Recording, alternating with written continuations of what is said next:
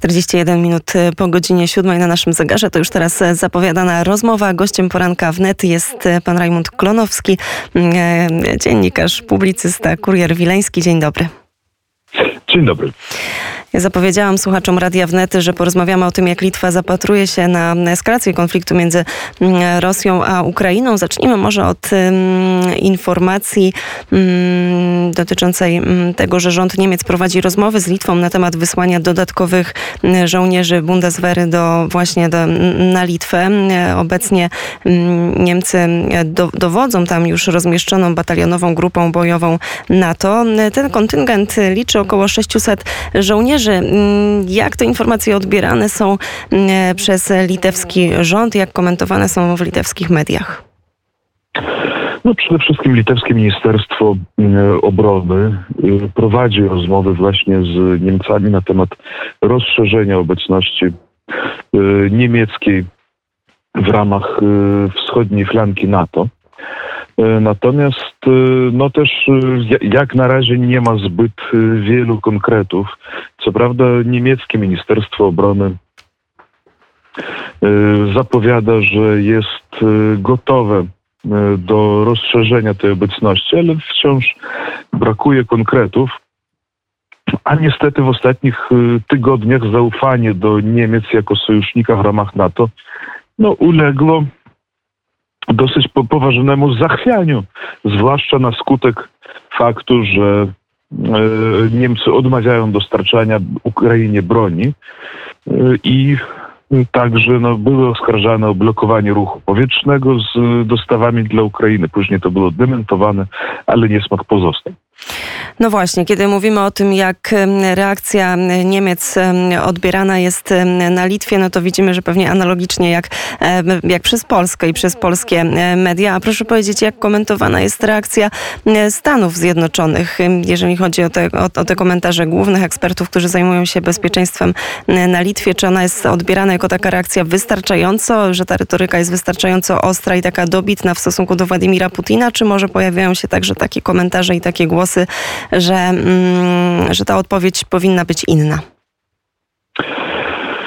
No, trudno mówić o retoryce, kiedy potrzebne są y, tak naprawdę konkretne działania.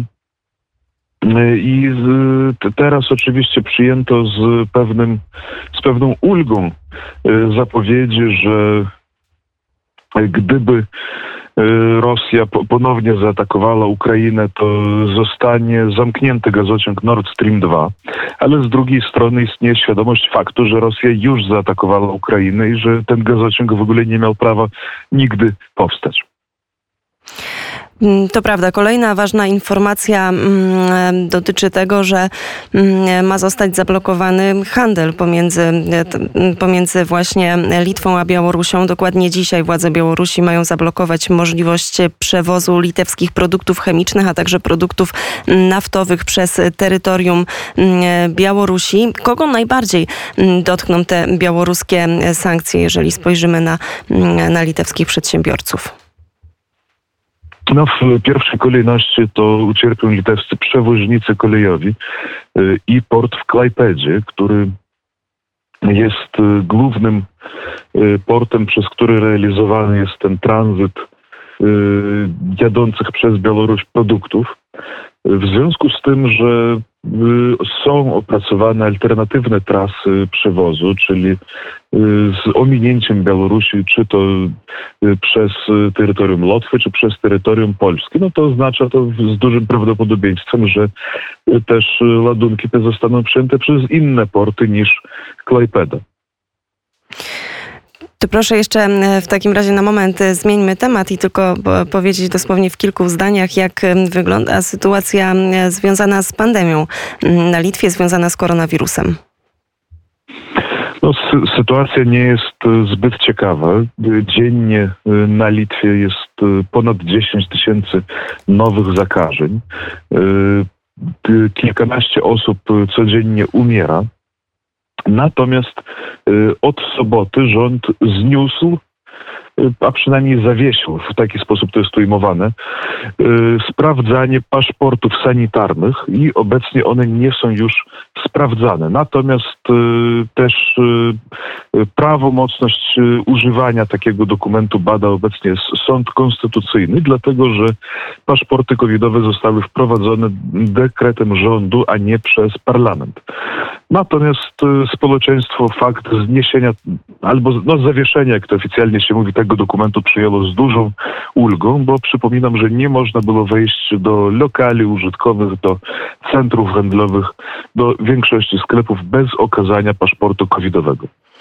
Czyli Litwa to jest kolejny e, kraj, który trochę zaczyna mm, inaczej podchodzić do tej polityki, polityki związanej z COVID-em. A proszę powiedzieć, jak wygląda sytuacja e, ze, ze szczepieniami? Czy mm, e, jeszcze dużo osób jest na Litwie takich, które nie chcą się szczepić, które głośno o tym mówią, gdzieś wychodzą na takie manifestacje, czy może ta sytuacja już tam się trochę uspokoiła? Sytuacja jest spokojniejsza, chociaż y, ruchy protestujące przeciw y, obostrzeniom, ale też przeciw ogólnej polityce rządu chciały y, manifestować w dniu 16 lutego, czyli w święto niepodległości Litwy. W Wilnie nie otrzymały zezwolenia na zorganizowanie wydarzeń publicznych. Natomiast na Litwie obecnie ponad 60% obywateli jest w pełni zaszczepiona, także dawką przypominającą.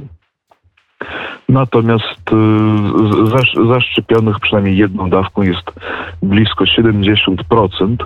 Nie ma natomiast takich ułatwień jak w Polsce, gdzie są chociażby y, punkty szczepień w centrach handlowych. Na Litwie to wszystko odbywa się w sposób scentralizowany przez y, punkty albo w przychodniach, albo też do niedawna punkty szczepień samorządowe, chociaż Wilno takie punkty pozamykało ostatnio.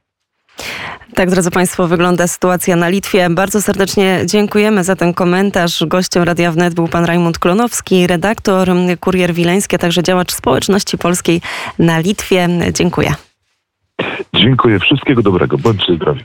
Wszystkiego e, dobrego. My również mm, tego panu życzymy i wszystkim słuchaczom Radia Wnet. 48 minut po godzinie 7. A my teraz błyskawicznie z Wilna przeniesiemy się e, gdzieś, gdzie czeka Ryszard Zalski i przygotował dla Państwa e, przegląd z pierwszych stron gazet. To oczywiście mowa o Tajwanie i o studiu Taipei.